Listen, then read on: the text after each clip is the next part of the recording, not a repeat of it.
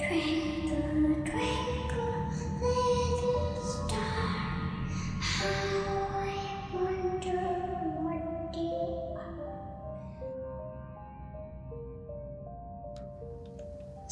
datang di Merinding bareng gue, Hani dan partner gue.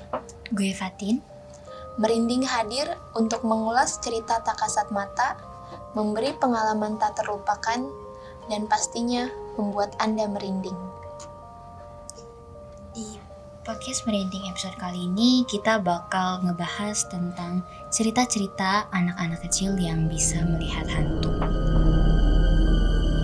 Nah, ini ada cerita dari akun Twitter @thyaoc. Waktu anakku berumur satu setengah tahun, dia udah bisa ngomong cukup jelas. Suatu hari, kami main di tengah rumah dan pintu kamar kebuka. Pas dia lewat pintu kamar, dia nutup mata terus mundur lagi dan peluk aku. Katanya, ada yang bikin dia takut. Dari situ, aku mulai percaya. Keesokannya, aku lihat anakku main cilukba entah sama siapa. Lalu, bapakku minta tolong temennya yang punya kemampuan lihat kayak gitu. Dan katanya, di atas lemari memang ada nenek-nenek. Nah, dari situ aku masih berusaha denial. Sampai suatu hari, sekeluarga main ke rumah bapak. Tapi ternyata pompa ASI ketinggalan di rumah. Terus aku balik lagi ke rumah sendirian pakai ojek online. Setelah ojek online nunggu aku ambil pompa ASI, dia tanya aku, Mbak, di kamar paling depan ada lemari kayu ya? Iya mas, kenapa? Ditaruh di pojokan ya?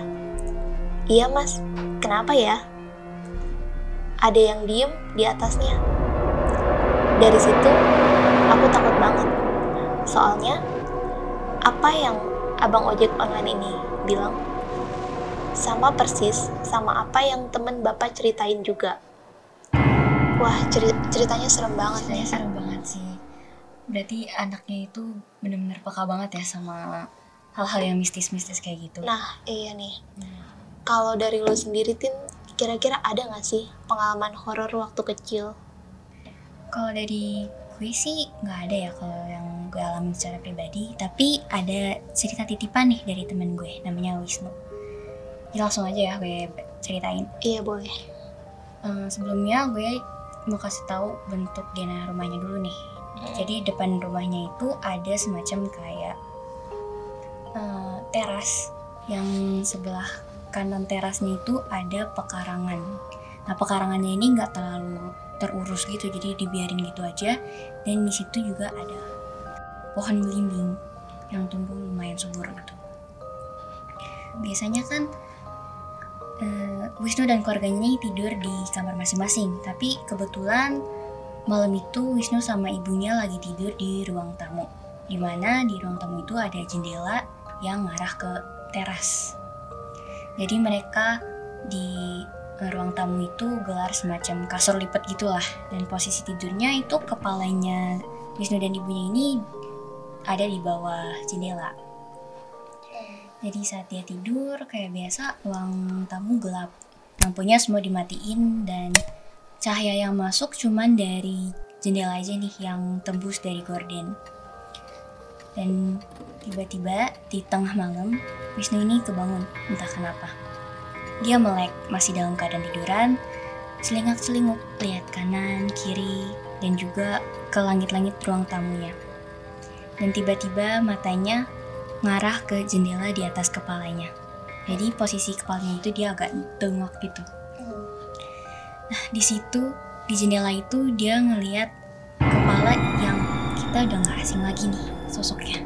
Apa tuh? Kepalanya terbungkus kain putih, wajahnya hitam. Wah, Dan dia deskripsiin tekstur wajahnya itu kayak tanah kering pas lagi kemarau gitu, retak-retak. aduh, banget. gelap. Di situ dia bilang dia tatap-tatapan sama sosok tersebut. Matanya melotot. Dia bilang matanya itu warna merah menyala gitu.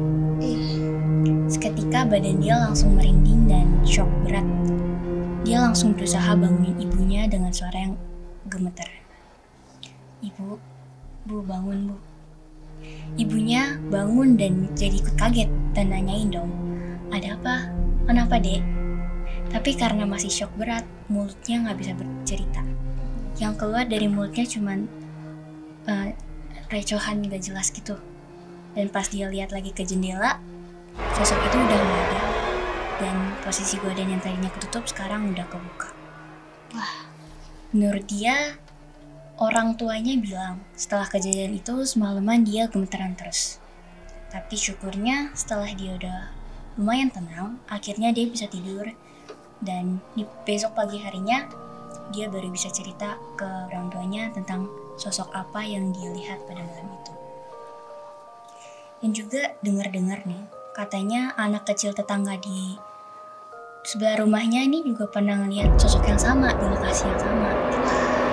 Berarti emang dia penunggu situ ya? Iya, dan gue juga setelah dengar uh, ceritanya Wisnu ini agak curiga ya sama pohon belimbing yang ada di pekarangan itu. Oh, di depan rumahnya itu tadi ada Iya. pohon belimbing ya? Iya, di pekarangannya dia bilang ada uh, pohon belimbing dan dibilang makanya kan juga nggak terurus kan.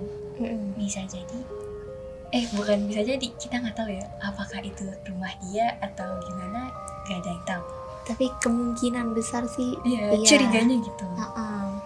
Nah, habis ini masih ada cerita lagi nih dari narasumber kita yang kebetulan udah hadir nih di studio. Boleh langsung aja perkenalin dirinya.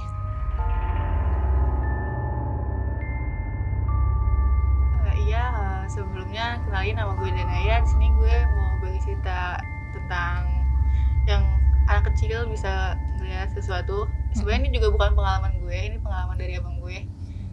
Jadi waktu itu halal bihalal selesai lebaran, biasanya kita emang halal bihalal gitu di eh, rumah dari keluarga nyokap. Nah rumahnya itu juga nggak serem-serem banget, biasa aja sih kayak rumah zaman dulu biasa yang luas gitu, nggak tingkat. Jadi kayak cuman melebar aja gitu. Di bagian belakang eh, kayak ada taman kecil gitu punya yang punya rumah itu. Ada kamar pembantu, ada kandang kucing juga. Nah selain taman yang kecil-kecil gitu, di rumah itu juga punya kayak semacam kebun kecil juga gitu lumayan ada beberapa pohon yang tinggi-tinggi gitu kayak Hmm. pohon buah mungkin ya. Nah saat itu eh, orang-orang yang datang masih pada makan di ruang makan, ada yang di ruang tengah juga. Jadi belum ada ke daerah belakang itu karena emang setelah itu baru bakal main di belakang gitu. Kalau sekarang masih kayak makan, soalnya masih awal-awal banget baru datang. Iya. Nah abang gue itu sekitaran waktu itu kelas mungkin kelas 2 atau kelas 3 SD nggak tahu lagi ngapain mungkin kayak iseng aja kali ya namanya anak kecil gitu kan ke belakang belakang atau Iya, lari-lari kepo-kepo gitulah nah dia ke belakang terus dia kayak ngeliat ke arah yang tadi kebun gue bilang itu terus itu dia masuk langsung lari ke nyokap Iya. terus dia bilang bu di sana ada orang jelek sambil nunjuk ke arah yang kebun itu Orang jelek itu setan maksudnya kali ya? nggak tahu sih dia juga nggak nggak apa nggak ngespesifikasiin Hmm. bentuknya kayak gimana. Orang tua gue juga pas itu ibu gue juga langsung kayak ya udahlah Anak kecil. ah lan- Belum ada ya ya udah gitu kamu lanjut makan aja maksudnya makan yang lain aja cari aja kayak apa makan dulu Mm-mm. saya ja- biar jangan ke belakang belakang lagi takutnya ngelihat lagi kan Iya. nah itu mulai yang satu cerita itu Nah, ada satu cerita lagi yang ini sebenarnya nggak bisa dibilang ngelibatin gue juga sih cuman kayak gue juga ikutan tahu gitu loh Hmm. Ada lu di situ.